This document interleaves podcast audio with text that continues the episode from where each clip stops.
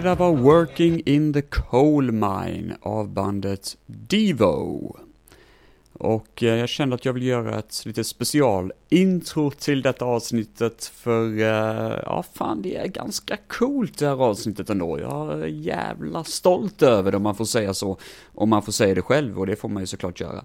Hjärtligt välkommen tillbaka till Filmfett Solo förresten. Mitt namn är Robin Andersson. Det är jag som snackar i eten just nu till eder där ute och ger er näsblod och hjärncancertumörer. Jag har ingen aning vad jag håller på att prata om just nu i alla fall. Um, idag ska vi snacka om, eh, ja, vad ska man säga? Alltså det är fängelsefilmer vi ska prata om idag, eller som jag ska chatta om i uh, ovis mm, het hur länge, men skitsamma. Um, och jag gillar det här temat, jag tycker det är ganska kul att prata lite grann om dessa underbara filmer som utspelar sig på fängelse. Man kan ju prata en hel del om olika titlar och olika, ja, saker helt enkelt, lite gott och blandat. Men innan dess så tycker jag vi sätter igång lite grann och mjukar upp er, gör lite ryggmassage och lite sådana här, eh, lite eh, ryggövningar och sån skit innan vi sätter igång och slänger in oss i finkan och ser hur länge vi överlever utan att bli våldtagna av freaks. Men, då kan man ställa sig frågan, varför spela Working in the Coal Mine? Jo, för det passar typ. Det passar typ den här känslan av att det, man är lite grann i ett fängelse i verkligheten också, typ att man blir typ torterad av sina, av att jobba på arbeten som man kanske inte trivs på ibland och torterad av att göra saker man måste göra. Det är väldigt mycket måsten i samhället idag och man kan känna att, ja, livet är ganska mycket same old shit i positiv början, eller hur? Ja, det kommer inte bli så mycket bättre, det kommer nog bli en hel del ångest i detta avsnittet. Det handlar ju trots allt om fängelsesystemet och det är vanligtvis inte sådär jättekul att prata om fängelser. Och jag kan också säga redan nu att dagens avsnitt av Miami Vice kommer bjuda på ganska mycket ångest också, kan jag säga. Det är Ja, fy fan. Det kommer vara två väldigt tunga avsnitt eh, av Miami Vice. Så därför så tänkte jag att jag kunde i början så var tanken att jag skulle avsluta med att snacka om Miami, men jag beslöt mig faktiskt för att göra det i början av avsnittet, för eh, det är roligare att avsluta på ett mer positivt och glatt humör. Men innan dess så tänkte jag bara snacka om det här med livet som en fängelsecell, som jag snackade om innan då. Jag bor ju tillsammans just nu med en polare, han är jävligt schysst, jag tycker jävligt mycket om honom och det funkar jävligt bra, ärligt talat. Det enda negativa är att man vaknar vad fan är det, klockan sex på morgonen av hans väckarklocka. Han har ställt sin väckarklocka på att ringa i typ 50 minuter. Varför undrar ni säkert? Jo, för han är fan inte lättväckt på morgonen. Vilket är sjukt komiskt på många sätt och vis. Det låter jävligt kul kanske för er, men det är inte så kul för mig som bor vägg i vägg med honom. Och få höra den här jävla telefonsignalen.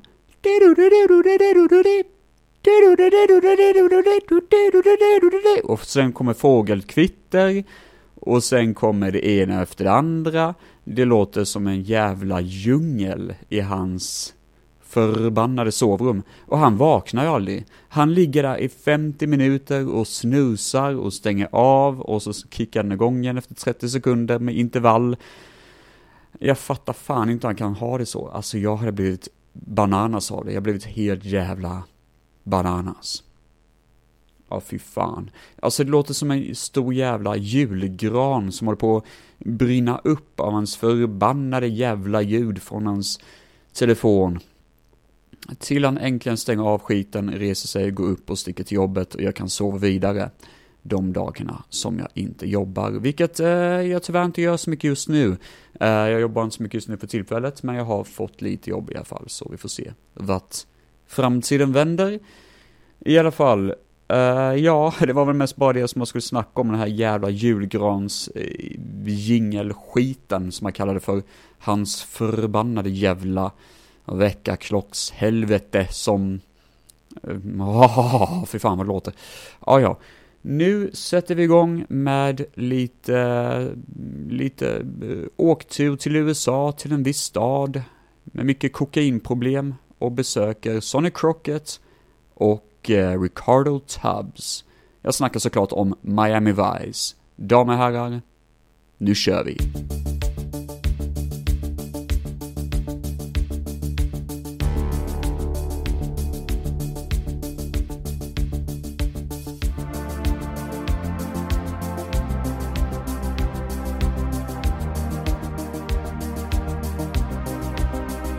Ja, för fan. Fyra rafflande avsnitt av Miami Vice. Vi pratar om Disk 3, säsong 3. Ja, fyra underbara avsnitt med andra ord. Nu sätter vi igång med avsnittet Baby Blues. Som faktiskt är jävligt intressant. För det börjar med ett plan. Eller först så börjar det med en buss, rättare sagt, där det dyker upp en massa skurkar som typ kidnappar spädbarn från bussen. Och man bara tänker, vad i helvete, vad fan är det som händer? Sen dyker det upp ett flygplan då, som Vice håller på att hålla eh, lite utsikt på.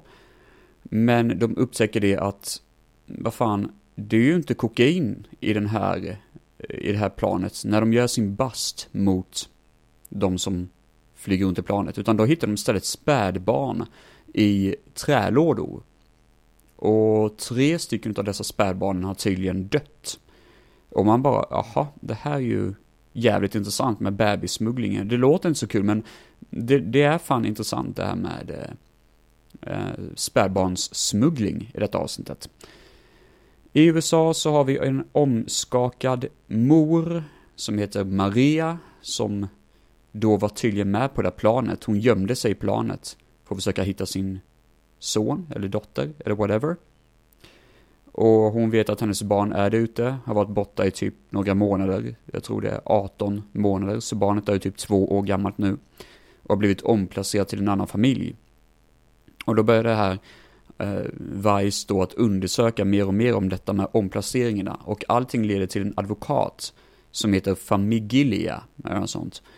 Och han verkar vara väldigt, väldigt bra på det här med omplaceringar av barn från olika länder. Han har gjort 111 omplaceringar och många från samma land då. Jag tror detta är väl eh, Colombia misstänker jag. Och mm, den här Familjegalia, eller vad han heter, han är ju the bad guy. Det märks att han har ju maffia connection, han är en skurk, han är ingen good character. Och det, han är en hotfull jävel, jävligt hotfull han. Han vet vad han ska göra för att pressa folk till att hålla käften, till att inte öppna deras käftar om någonting, till att inte gå emot honom. Han vet vad han ska göra, för han har koll på folk och han vet att han kan hota folk som vill gå emot honom genom att hota deras barn. Han vet hur han ska göra helt enkelt. Han är riktigt obaglig. Och han har en sån här eh, andra hand, eller högra hand, som en mördare som heter Hector jag har för mig att Hector inte säger ett ord genom hela avsnittet, men han är creepy dude alltså, de här jävlarna. Ja, överlag, eh, Baby Blues är fan ett bra avsnitt. Eh, jag var överraskad och eh, rekommenderar verkligen att se det. Det var faktiskt väldigt kul att se något annat än bara kokain. Då vandrar vi vidare med nästa avsnitt som heter Streetwise. Kanske det mest intetsägande avsnittet i dagens avsnitt av Miami Vice. Vi, alltså det handlar mycket om prostitution. Och Gina går runt, en av Vice-kollegorna då, går runt på gatan och eh, ska vara prostituerad på gatan då liksom sådär. Hon går runt och kaxar sig väldigt mycket och snackar skit med alla och det är jättekonstigt för hela den scenen är jävligt skum. Hon är så kaxig och hemsk och jävlig och låter bitchig mot alla och bara liksom pekar och har sig, äh, vill du ligga med mig? Vill du ligga med mig? Håller på så liksom, give me money, give me money, typ håller på så hela tiden. Och man bara, vad fan håller hon på med liksom? Hon, hon måste chilla lite, men ja, jag, jag vet inte fan. Det är så hon är i alla fall. Väldigt kaxig och hemsk dialog har hon. Riktigt jävligt dålig dialog. I alla fall så blir det en kokainräd på ett hotell och det visar sig att en polis, spelad av Bill Paxton, har varit involverad då i, eh, inte kokainet, men i eh, prostitutionen. Och det är det att han tydligen är en undercover-snubbe som låtsas vara en klient åt en tjej, han har låtsas vara det flera gånger, vilket, ja, kanske inte låter så positivt. Men anledningen bakom det är att han vill, eh, liksom, att hon ska ta sig bort från en bad guy, en skurkig jävla hemsk pimp som spelas av Wesley Snipes. Så vi har en ung Wesley Snipes som skurk i det här avsnittet. Och han är brutal, han är en jävla brutal pusher. Både drug, drug pusher och pimp. Och så då Bill Paxton som är ganska oansvarig polis. Eh, han är inte dålig, men han är en sån snubbe som typ har gett upp lite grann i vad polisen egentligen står för. Typ, lite sådär. Ja, det finns en ganska smart idé som de har i avsnittet, där undercover-poliser försöker då eh, pusha Snipes väldigt mycket genom att snacka om en annan sån här eh, pimp på gatan som kallas för Butch. Och Butch visar sig såklart vara Ricardo Tubbs, då polisen i Miami Vice, som har gått undercover bara för att försöka ta fast så många bad guys som möjligt. Uh, för att försöka liksom sådär säga att han är the big bad boss typ och ska ta över hela organisationen och så vidare. Bara för att pusha folk till att göra misstag och kunna liksom ta fast Wesley Snipes. Och Tubbs är fan galen som Butch. Alltså skoj verkligen inte. Han, det är en scen då han typ knuffar runt en tjej och håller på som fan, typ slapp en utav bara helvete. Och sen när hon börjar gråta som fan, bara jag är uppe, jag gör allt vad du vill. Så bara visar han sin badge och bara, det är lugnt, jag är polis. Man bara, vad fan håller du på med liksom? Vad fan gör du? För helvete Tubbs.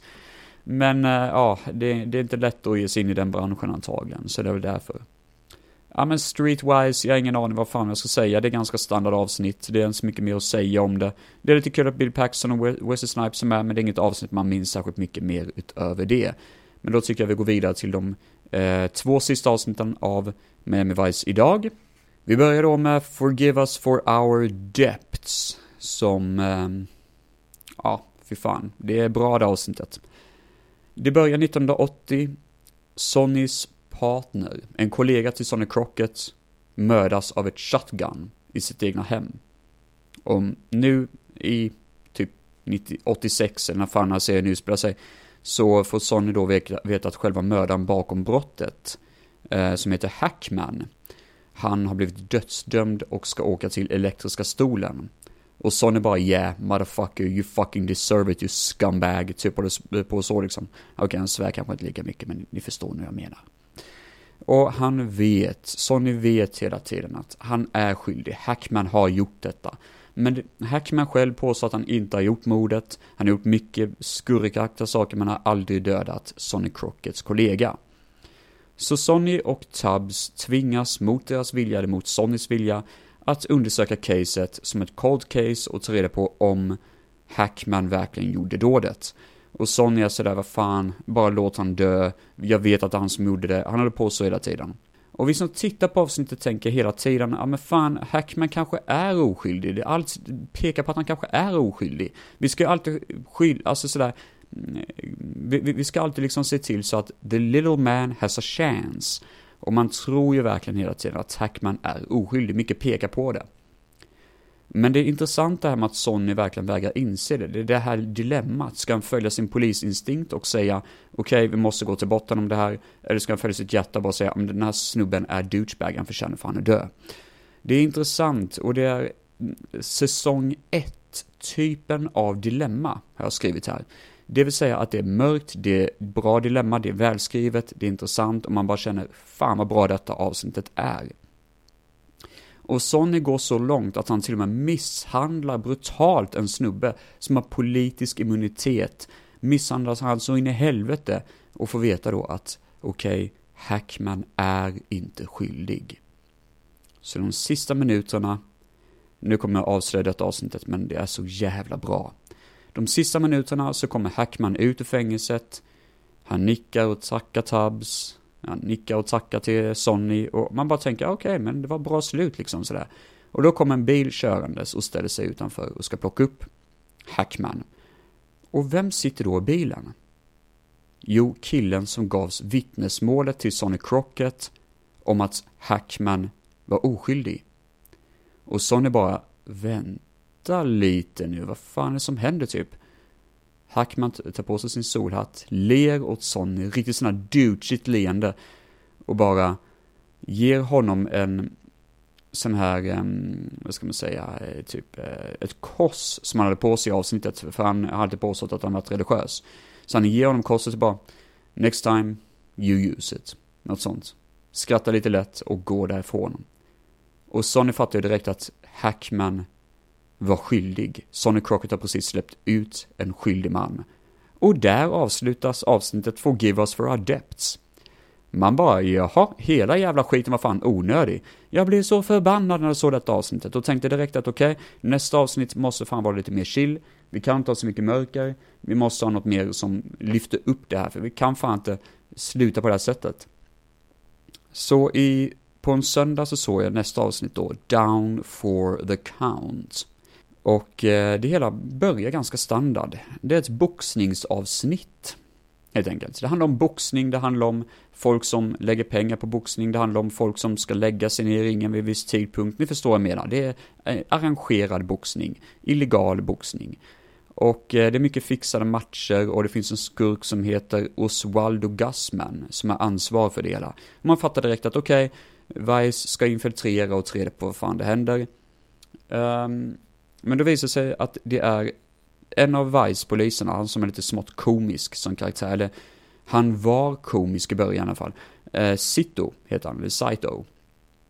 Han eh, är ju en sån här undercover-polis, eller han jobbar för, med, för Miami Vice. Men eh, han är lite halvt komisk, lite mer sådär, tar reda på info och data och så. Eh, han är inte riktigt eh, fysiskt cool, utan han är mer liksom sådär hjärna, mycket hjärnan bakom organisationen. Saito jobbar mycket med Switek. Och det är de två som är de komiska karaktärerna. Switek är mycket mer komisk egentligen, för han är mycket mer komisk timing än vad eh, Saito är det. Så de började första säsongen med att Saito var också en komisk karaktär, men sen fattade nog producenten att okej, okay, vi kan ta två stycken, Saito, den skådisen är bättre på vår dramaroll, så vi tar ner honom, dämpar ner honom lite och låter han göra sitt roll som en birollsskådis, mestadels. Men Saito får ha ett väldigt stort eh, ansvar i det här avsnittet, för han är typ huvudrollen. Han ska prata med en kille som heter Moon, som är tränare för eh, boxare och så vidare. För det är hans polare, Moon känner Saito och vet att han är polis, vet om att Oswaldo Gussman är en bad guy och vill då hjälpa Saito, eller tvingas hjälpa Saito med att eh, få då en av hans medarbetare att jobba med Gussman bara för att de ska kunna ta fast honom, helt enkelt. Men Problemet är att Moon har ganska mycket aktivitet, alltså han är en sån här hård jävel. Han är mycket liksom sådär en hård jävla snubbe typ. Och han gillar inte riktigt att, uh, att jobba med Gusman, så han snackar lite för mycket så. I alla fall. Eh, avsnittet är ganska standard, det är inte så mycket mer som händer som är särskilt kul. Killen som spelar Moon är Randall Tex en skådespelare som bland annat var med i Ace Ventura-filmen. Annars så är det ganska lugnt avsnitt, eller avsnitt sådär liksom. Fram till de sista fem minuterna, för vad händer där? Jo, Saito går in i sån här boxningsarenan, eller de, de tränar boxare. Han ska packa upp sina kläder eller whatever. Han är där helt ensam. Det kommer fram en bil bakom honom, kör upp och parkerar och han bara, vad fan är det? Han vänder sig om och ser tre gangstrar som är typ tillsammans med Gusman då liksom. Man bara okej, okay, det här kan ju sluta illa. I nästa scen kommer Switek några timmar senare till boxningsstället. Och han bara, Hey Sido, where are you man? Och så går han runt lite grann och kollar och musiken är ganska deppig så som man tänker, ah, okej okay, nu kanske Saito har blivit misshandlad eller någonting. Jo, vad vi får se är att Saito ligger i en dusch. Och har fått en spruta inkörd i armen. En sån kokainspruta typ. Och, eller en kokainspruta, men narkotikaspruta i alla fall. Och Switek kramar om sin kollega Saito. Och fäller några tårar. Och man inser direkt att ah, fuck, jag tror Saito är död. Och det här är typ första gången i Miami Vice historia då en ledande karaktär av den här formen dör. Visst, det var faktiskt den före detta kaptenen till Vice i och för sig som dog i typ avsnitt två någonting. Eller avsnitt fyra var det nog i och för sig. Men eh, han hade en så stor roll och han vill nog inte vara med i showen längre. Jag vet faktiskt inte. Men vi har varit med Saito så jävla länge. Och att se honom dö ett ganska mediokert avsnitt om Emmy Vice är fan hemskt. Det är jävligt hårt. Och sabbade hela min söndag. Jag tycker fan om Saito. Hur ska den här serien kunna fortsätta utan Saito? Han är god fan, han är skön. Han behövs där. Men det, detta är ju to be continued, så jag tror nästa avsnitt kommer nog handla lite mer om begravningen och andra deppigheter. Ja, ah, för fan vilket jävla hårt slut det var alltså, god damn. Oj, oj, oj, jag kollar på tiden här. Jävlar vad det runnit bort. Fy fan, jag hade så mycket att snacka om Miami i det här fallet liksom. Men, men, men. Nu så ska vi lämna Miami och dra vidare till fängelsets hårda världar. Med eh, lite blandat smått och gott.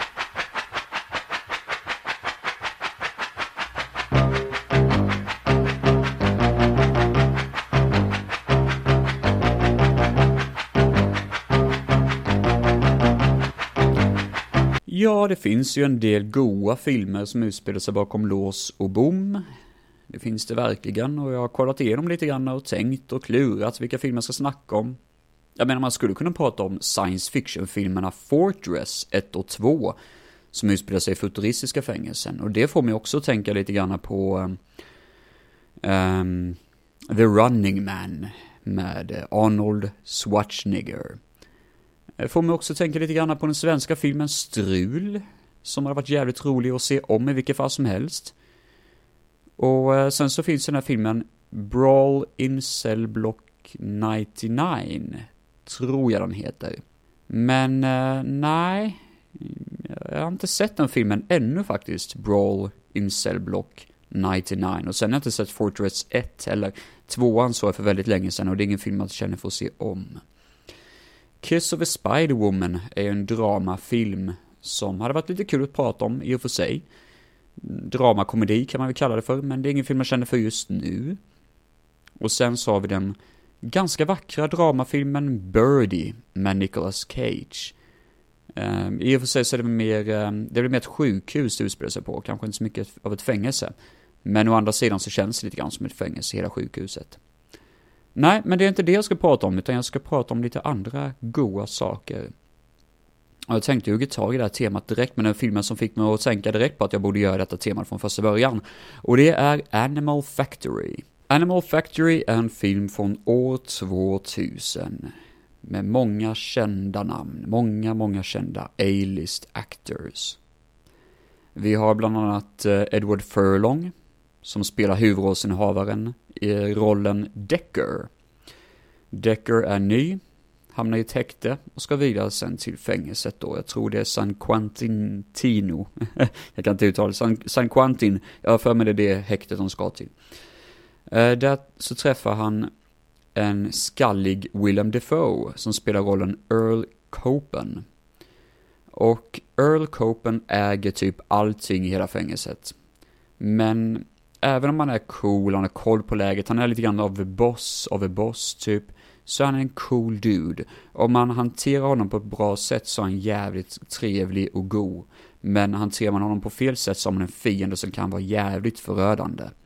Och det är lite grann det som Decker då, Edward Furlongs roll, försöker ta reda på när han håller på lite grann med Willem Dafoe och håller på att ta reda på lite mer om hur fängelset fungerar och så vidare.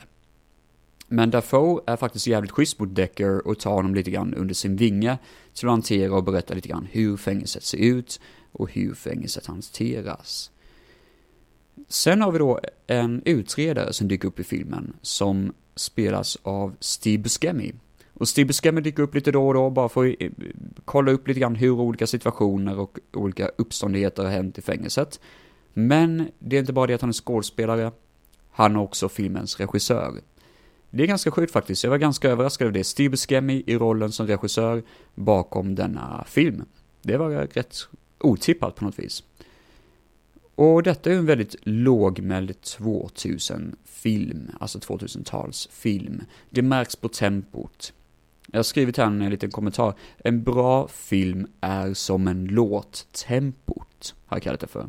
Och den här filmen är som en bra, god låt. Det är ett gött ambience sound över det hela. Det kanske inte har så mycket upp och dalar och så mycket tempo, men det är ett gött ambience och man följer med flowet i filmen. Utan att egentligen kanske följa med så mycket i själva handlingen, så bara går det på och visar lite grann den dagliga rutinen av hur ett fängelse händer, eller hur ett fängelse går till. Det finns däremot ett upplopp ute på gården av Eh, det här eh, fängelset då. Och den scenen är ganska intensiv och man känner direkt att okej, okay, någon kommer fan bli dödad. För det är många som blir kivade, det är många som får stryk och det är mycket sån här brutalitet i det hela. Vi får bland annat också se lite andra roliga skådespelare som eh, John Hurd, som tyvärr gick bort. Men hans, han spelar pappan då till ehm, Edward Furlong. Eh, sen har vi då Tom Arnold, den mer komiska eh, A-list komikern kan man säga. Lite mer komiska, roliga roller som han, han blev eh, bland annat också med mm, tillsammans med Edward, Edward Furlong som spelat mot Arnold Schwarzenegger. Edward spelade såklart i Terminator 2. Och eh, Tom Arnold var en sidekick till Arnold, eh, till Arnold Schwarzenegger i eh, True Lies. Men i den här filmen försöker han våldta Edward Furlong, vilket är ganska hårt. Och kanske också säga en del om hur man hatar Furlong som skådespelare, för Furlong är jävligt jobbig som skådespelare. Skittråkig är han. Han är ju Edward Furlong, han är intetsägande, opersonlig och tråkig, rent ut sagt. Och jag förstår varför han blir våldtagen i den här filmen, nej det är ju hemskt att säga, men nej men alltså han är en tråkig roll och, oh, det känns lite grann som en samhällskritiks kommentar, eller sån här kommentat mot Edward Furlong, att Tom Arnold försöker våldta honom i röven. Sen har vi då Mickey Rourke som spelar en drag queen och råkar dela cell tillsammans med Edward Furlong. Mickey Rourke gör precis som jag gör just nu, tjattrar så in i helvete, pratar hela tiden. Eller ja, han, han är ingen drag queen, han är prostituerad egentligen. Men han sitter där i fängelset och tjattrar hela tiden och pratar och väldigt mycket sådana här eh, stories och berättar till Edward Furlong. Um, men å andra sidan förstår jag varför han aldrig håller tyst, för jag menar, vem fan vill prata med Edward Furlong? Har han något intressant att säga överhuvudtaget? Skulle fan inte tro det alltså. Sen är lite roliga fakta också, lite roliga stories som jag kollade in här, som att huvudrollerna åkte till San Quentin-fängelset för att göra research av sina roller. Och det är många som gör det, känns som, i de här typerna av filmer, helt enkelt. Eh, det är riktiga convicts som är eh, extra skådespelare i filmen då, riktiga inlåsta, eh, ja, bad guys, så att säga. Och Mickey Rourke, som sagt var som spelar den här, den här prostituerade mannen, eller inte prostituerad men transvestitmannen, Eh, han gjorde väldigt mycket improv. Och han är så jävla bra på att göra improv. Han får ut någonting väldigt poetiskt i sina roller. Även om jag tycker han själv är ganska tråkig som skådespelare så gillar jag ändå det. Han är, han är god på att göra det på något vis. Och det känns äkta när han gör det. Den här filmen är baserad på en bok av Edward Bunker. Och jag visste inte riktigt vem det var, men han var tydligen med i Reservoir Dogs, han har varit med i jättemycket filmer. Bland annat eh, någon Railroad Train, tror jag det heter. Någon film, jag tror det var den som eh, vann en Oscar. Och producerades av Canon Films. Jag kan fan inte komma på vad den heter just nu, men något sånt heter den nog faktiskt. Eh, han åkte fast för ett rån och eh, servade tid tillsammans med Danny Trejo under 70-talet. Så det är därför han, det är hans erfarenhet av eh, fängelsebranschen då, eller fängelset helt enkelt. Men precis som tre år så kom han ut och blev skådespelare efteråt då. Och dog, eh, dog då 2005 av eh, en operation i benet som misslyckades tydligen. Nej, men annars så finns det inte så mycket mer att säga om Animal Factory. Det är ganska gött, precis som man säger, gött gung i filmen. Det är gött att kolla på, det är mysigt att se. Men det är ingenting som verkligen ger något mer än att det är en underhållande film på stunden att se. Eh, det är en god rulle att se när man kommer hem från jobbet och så, och vill chilla lite grann och så. Men eh, det är väl ingen sån film som kanske man minns jättemycket eller får en må jättebra efteråt heller, för den sakens skull. Men det är goda skådespelare och det är överlag en film väl värd sitt pris. Lite av en hidden gem, en gömd skatt, som eh, väldigt få människor, tror jag i alla fall, har sett. Ja, det var det att säga om Animal Factory, så nu tycker jag svinga in i nästa rulle. Merry Christmas Mr. Lawrence är en eh, dramakrigsfilm från 1980-talet, tror jag det är. Jag för mig det är tidigt 80-tal. Ja, det är nog precis faktiskt 1980 måste det ha varit. Vi har en David Bowie som i stort sett precis blev skådespelare. Det här året då så var med tydligen i tre filmer. Bland annat denna filmen då. Och jag kan inte uttala regissörens namn för han är av japanskt ursprung.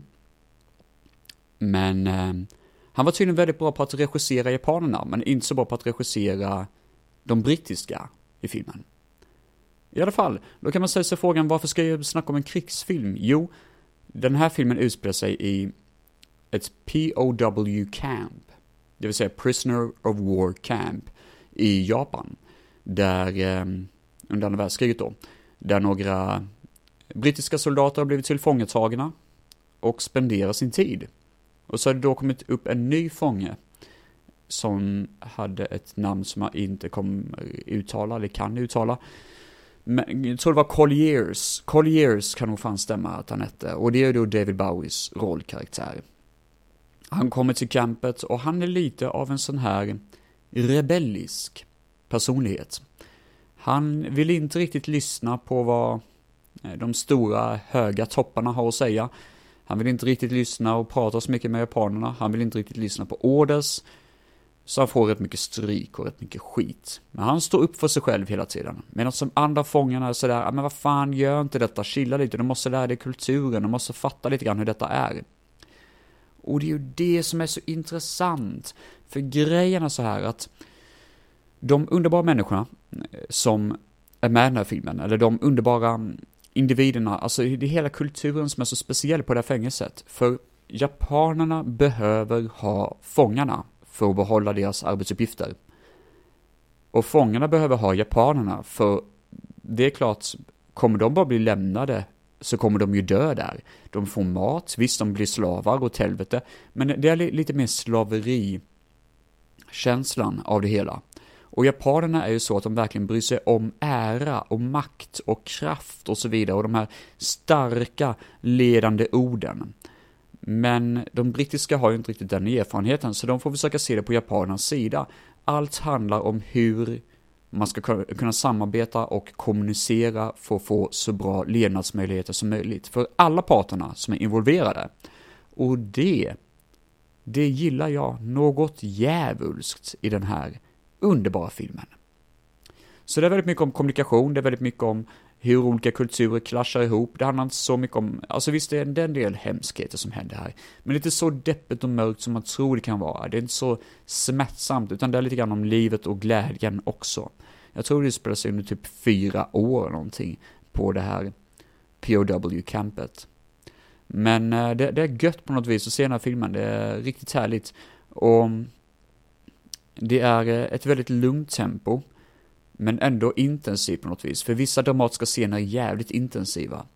Det finns en riktigt bra scen då David Bowie sitter i en cell och berättar om sin broder, som jag för mig har en... Han har någon typ av åkomma, om han var halt, eller om han hade någon sån här puckel på ryggen typ. Och han berättar en sån ledsam berättelse om hur David Bowie ville finnas där för sin brorsa, men hans brorsa blev så mobbad och David Bowie tänkte väldigt mycket på sitt egna rykte och kunde inte komma in och faktiskt hjälpa ungen. Och, åh, det är så jävla hemskt. Och den berättelsen han berättar tar verkligen hårt i hjärtat. För det är en sån hård jävla berättelse. Och det är det som är så vackert med den här filmen, att det handlar väldigt mycket om det. Det handlar väldigt mycket om livet generellt, om ångest, om att försöka gå vidare och samtidigt så handlar det väldigt mycket om det här livet i fängelse såklart. Det blir någon typ av rehabiliteringssituation över det hela, över den här positionen som de har i fängelset. Nu ska vi se om jag kan uttala det här namnet. Ryochi Sakamoto heter han. Han gjorde musiken till den här filmen. Och han har gjort, han är mest känd som musiker bakom filmen, han har också gjort skådespel, han har också medverkat i denna filmen som en utav fångvaktarna. En brutal jävel. Tydligen så hatar han sitt egna skådespel, men han var skitbra. I alla fall, Sakamoto gjorde även låten, eh, eller en otroligt bra soundtrack till Wings of Honemase, som en jävla fin eh, anime-film. Jag har för mig till och med att jag spelade lite grann utav det i avsnitt två, tror jag, av Filmfett Solo. När jag snackade lite grann om anime.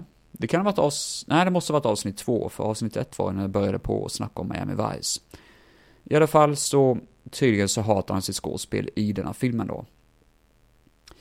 För att göra filmen beslöt man sig att bygga ett stort Prisoner of War Camp för att skådespelarna, för att samtliga människor skulle ta reda på hur deras roller skulle kännas. Så även om det här campet är större än vad som faktiskt visas i filmen, så gjordes det för att eh, dra upp den här känslan av att eh, hur det är att vara på sådana prison camp, typ. Sen så har vi då eh, Takashi Kitano, som är en väldigt, väldigt känd skådespelare. Och i den här filmen medverkar han som en seriös och brutal roll. Han är huvudgeneralen för fängelset. Och i Japan brukade han vara en komiker tidigare. Så alla skrattade väldigt mycket åt hans roll när han var med i filmen. Men det är ju jättehårt för den här filmen är ju så jävla, han är så jävla hård och brutal i den här filmen. Men man tycker ändå om honom för det är någonting man som man tycker om. Och anledningen bakom att man tycker om det är att det finns en karaktär, titelkaraktären Mr. Lawrence, som han heter, som är den enda som kan japanska av alla som sitter på det här fängelset. Så han får gå fri lite mer än vad de i fängelse får göra. Och han får prata väldigt mycket med väktarna, han får prata väldigt mycket med Takashi Kitanos karaktär och så. Och försöker liksom tolka situationer till eh, de japanska, eller de eh, engelsmännen. Och han är liksom bryggan mellan Japan och England i det här fallet.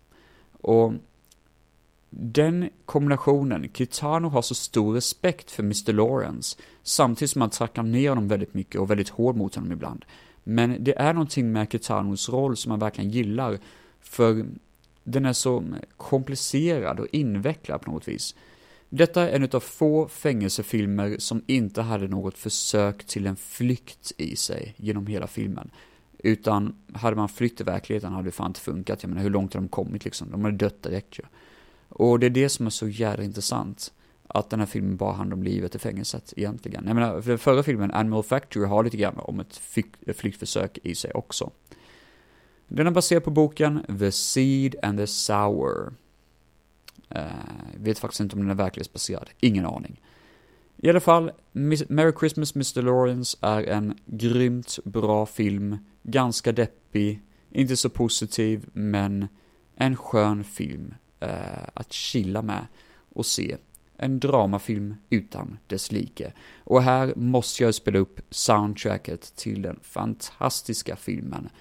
Eh, huvudsoundtracket gjordes ju av Ryochi Sakamoto och här kommer en liten snippet av den underbara låten. Också den låten som introducerade mig till filmen första gången, för när jag hörde låten kände jag att wow, detta är en film jag måste spana in. Här kommer den.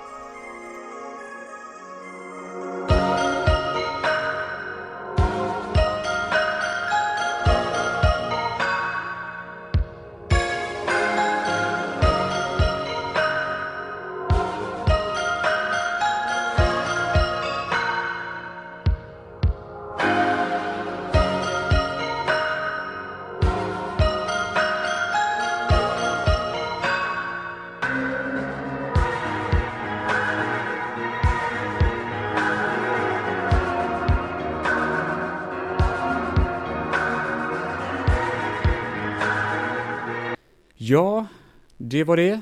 Nu ska vi dra vidare till de lite mer eh, komiska titlarna tar vi nog. Eller, jag har ju tre filmer kvar egentligen, men eh, ja, jag sätter nog igång med eh, en lite mer mm, high octaned film med Get the Gringo med Mel Gibson i huvudrollen.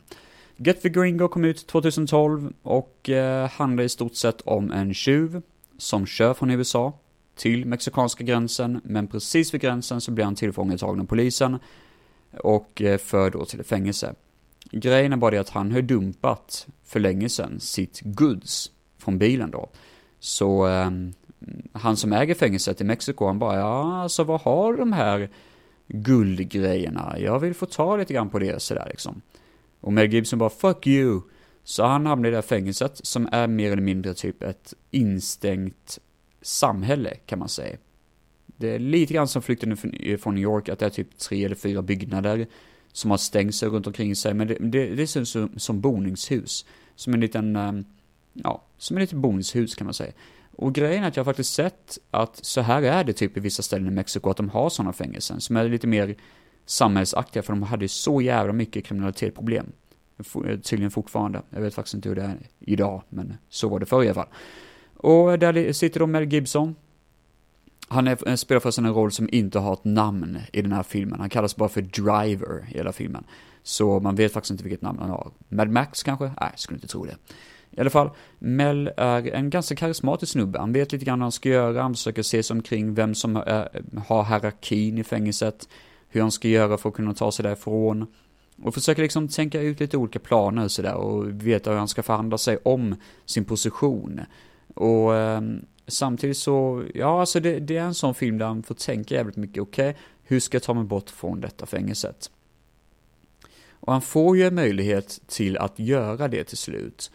Och det är ju det som är så intressant, att fängelset är ändå utgångspunkten, man får ändå komma bort för att göra lite affärer, om man säger så, för att lura till sig lite folk, eller lura till sig en lösning för att ta sig därifrån, ifrån fängelset då.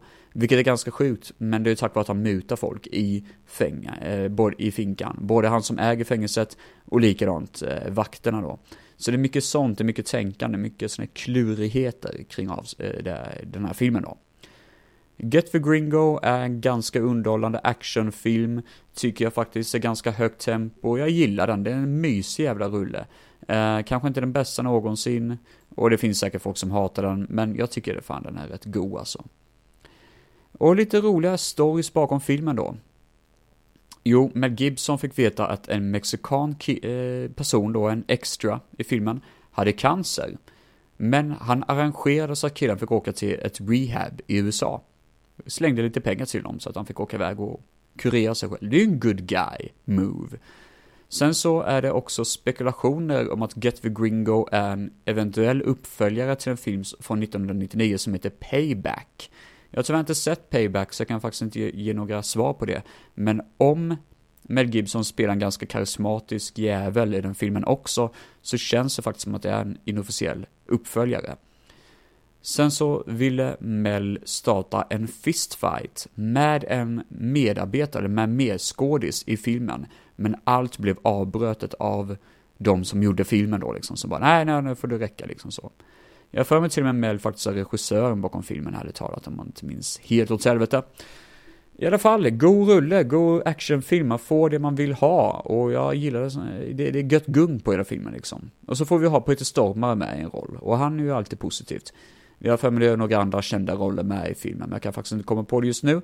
I alla fall, go liten rulle som är jävligt lätt att få tag på nu, som heter då Get the Gringo. Känns som att jag sagt den här titeln 300 gånger redan.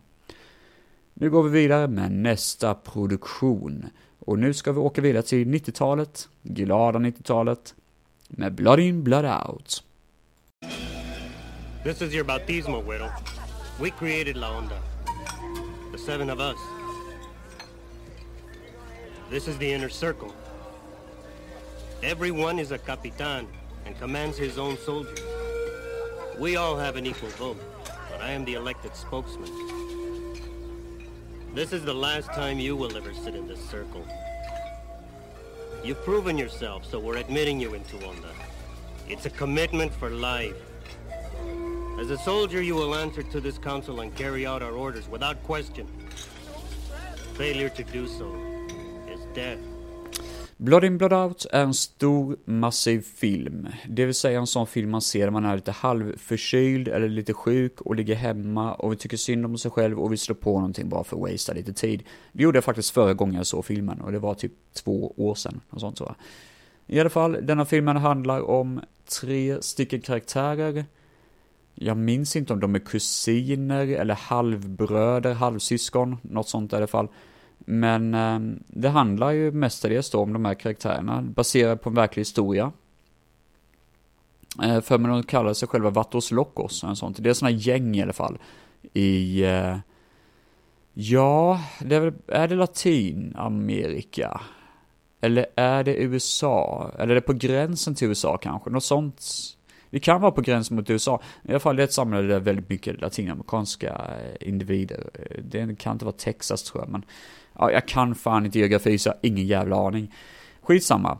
De här karaktärerna då tillhör ett gäng och de har gett sig på en snubbe som heter Spider och det går ju lite åt helvete och eh, det går inte så bra helt enkelt med den här attacken mot Spider vilket resulterat att en utav gubbarna som av någon anledning fick ena foten bortamputerad, eller ena benet bortamputerat. har för mig att bli i benet eller något sånt, skjuten i benet. Um, de tvingas då, han tvingas placeras i fängelse, medan som andra utav hans bröderskap skaffar sig olika jobb. Den ena killen blir väl militär, här för mig, och ska sen bli polis. Och den andra killen vill bli poet. Men han som sitter i fängelse har ju typ inget liv, han, är ju, han vill ju bara fortfarande vara Vatos Locos. Så han är ju en hård jävel liksom. I alla fall, det är inte så mycket att det utspelar sig jättemycket i fängelset, men det är ju en utav huvud locations, typ mitten av filmen i alla fall, så är det typ att det utspelar sig i fängelset. Och eh, det är väldigt mycket 90-tal. Väldigt mycket. Det vill säga att det är väldigt mycket attityd, väldigt mycket liksom sådär What is locos man! Liksom sådär, och så Danny Trejo dyker upp på ett hörn och det är svettigt som fan, folk ser ju svettiga ut hela tiden och det är mycket sån här 'Get out of my face' typ liksom attitydsnack är det. Och det ah åh oh, gud, det är 90-tal så skrik om det och det är så gött på något vis, det är så härligt att se. Jag saknar fan det idag, för idag är det fan bara mellanmjölk och laktosintolerant idioter som gör film typ. Det, det, är ingen sån här energi, det är ingen pumpning som den, den här filmen. Så man bara, god damn liksom, det är coolt, det är härligt. Och man får lite sån här energibursts utav det hela. Han kommer ut i finkan i fall, får veta att hans, eh, liksom, åren har gått och eh, folket har typ ändrat lite personlighet och sådär. Eh, han som är poet, jag för mig, fortfarande har drogproblem. Jag kommer fan inte Nej, han är inte poet, han är för, förresten målare är han, just det, han målar skit. Ja, i alla fall, det, det, det, det är väl typ egentligen det som är the main story av det. Och att han då, Maklos som den heter, försöker hitta, sitt, eh, hitta sig själv efter sin tid i fängelset. Vilket inte är så jävla lätt eftersom han fortfarande vill vara Vatos Locos, som sagt var. Ja. Lite behind the story då. Den är baserad på en verklig händelse eller verklig story. Um, vet faktiskt inte om det är en bok. Kan vara en bok faktiskt. Och eh, den originaltiteln var Bound by Honor. Hette den. Uh, fem timmar lång skulle originalet vara. Uh, då har de berättat då lite grann på EMDB vilken uppladdning allting skulle vara, typ att eh, så här var det tänkt att det skulle se ut om det hade varit fem timmar långt.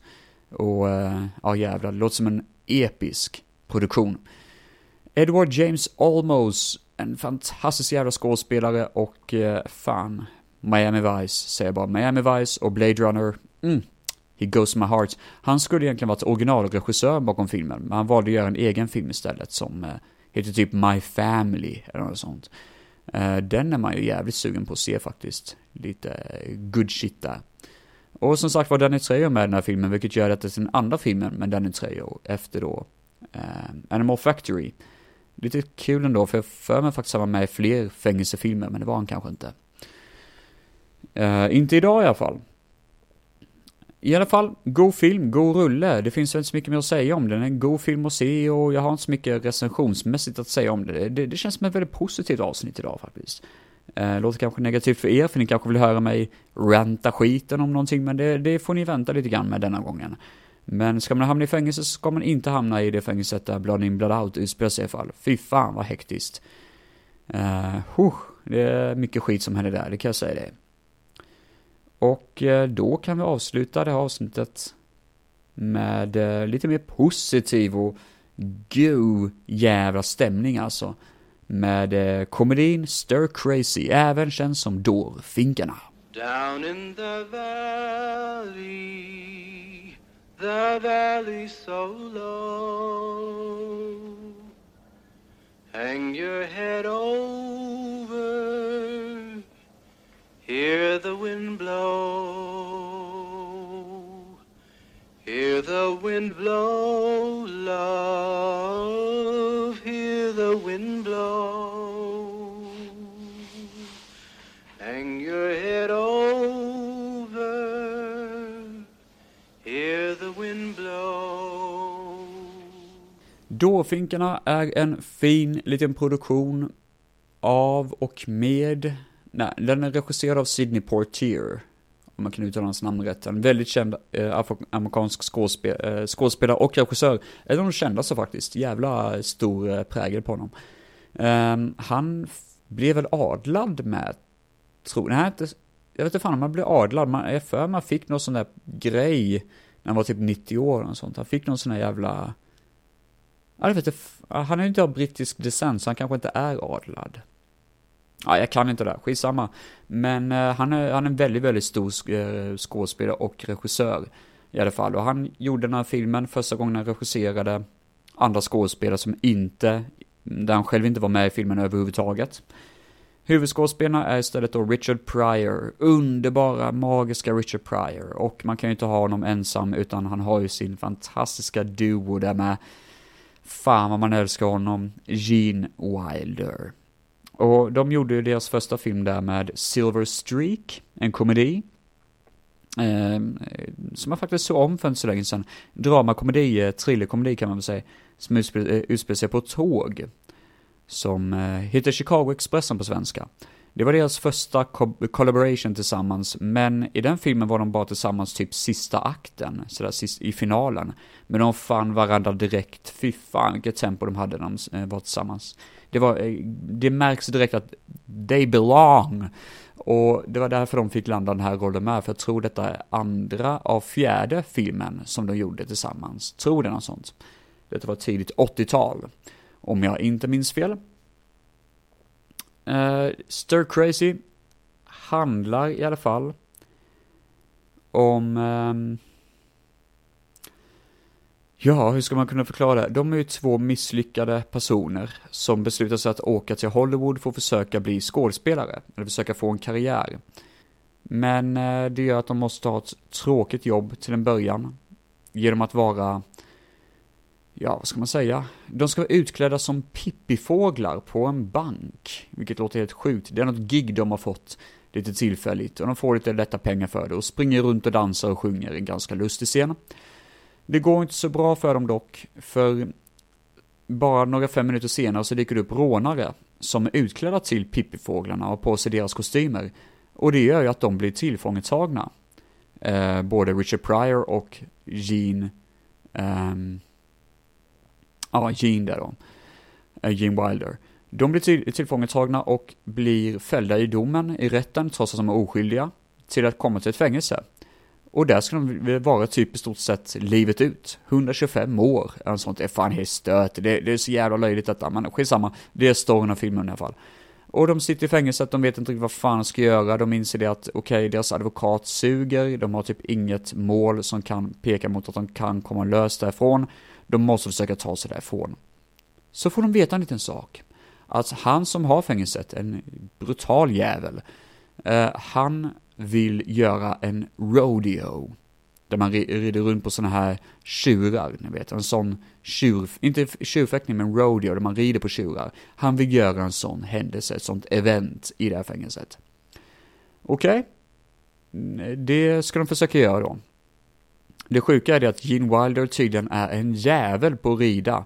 Och det upptäcks väldigt snabbt, så det gör ju att de försöker konfrontera honom, att han ska liksom börja rida då. Grejen är dock att nu har de ju fått lite vänner i fängelset, och vännerna säger det att se till att pressa dem på att eh, göra ett gäng. Så att vi alla kan hjälpas åt, för då kan vi försöka fly ifrån kåken då liksom. Ja, okej, okay, okej, okay, okej, okay, tänker man då. Det var fan en bra idé. Så det gör att de måste försöka planera själva, rå, eller själva att fly från kåken. Samtidigt som de har blivit inplacerade, omplacerade då i en fängelsecell med en kille som heter Manslaughter, eller sånt, eller The Madman, eller sånt. Som en gigantisk jävla muskelberg som man tänker, han kommer fan knäcka ryggen av dem. Men det visar sig att han faktiskt är jävligt schysst, det är bara det att han eh, är misunderstood som vanligt. Nej men överlag, eh, komisk jävla film, alltså det, det är något gött över den. Den är, den är inte überkomisk och den är ju inte lika tight som eh, Se upp för dårfinkarna. Tror ni? Nej, inte så, nej fan, det här är dårfinkarna. Eh, Se upp blindstyre tror jag den heter, eh, på svenska. See no evil, hear no evil heter den på engelska. En av de bästa komedierna som finns ute enligt mig. Garanterat en skitbra thrillerkomedi. komedi Eh, den här filmen är inte lika bra som den, men det är en god rulle med bra tempo, välskriven och spännande som fan. Det, det är en sån film man sitter lite grann och bara biter lite grann på naglarna och undrar lite grann hur det hela kommer utföra sig. Och det intressanta är att hela rodeo-grejen på detta fängelset, för det här utspelar sig i ett riktigt fängelse, eller, alltså de, de har ju liksom sådär, det är ett riktigt fängelse som de har inspelat det på. Hela grejen med att bygga upp en rodeo-station, det ville ett fängelse ha. Vilket gjorde att själva fängelset som det här eh, inspelningen utspelar sig på, 350 fångar var extras under den här rodeo-grejen. Och alla hade 150% moral. Alla älskade detta och tyckte det var skitskoj. Och det blev en riktigt stor event för hela fängelset att vara involverad i. Folk tyckte, fan, det här, nu har vi ett gemensamt mål, nu kan vi göra det tillsammans. Och inte en enda skada och inte något hemskt hände under hela händelsen. Vilket gjorde att fängelsechefen, om man säger så, han var ju skitglad över den här eh, möjligheten. För det här var det the biggest thing ever, typ. Det här är första filmen av en mörkhyad person. För Sidney Poitier är ju mörk. Att få 100 miljoner dollar i intäkter i Nordamerika. Så det här var en historisk film. Den tredje största biosuccén år 1980.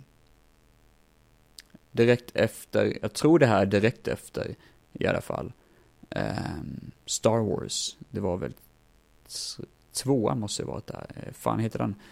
Episod, eh, ja, fem blir det väl.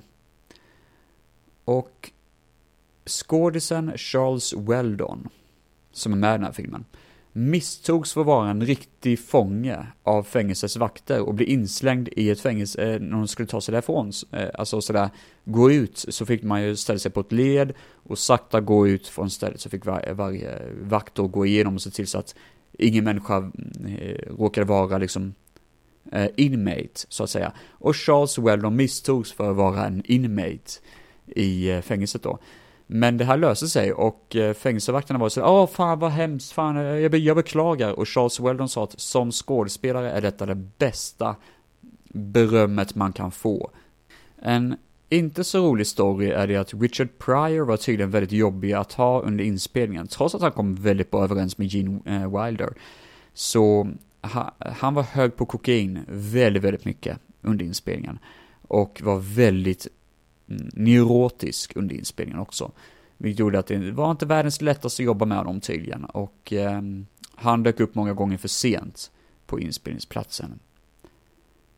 Ja, men det är väl allt egentligen jag har att säga om eh, denna filmen då.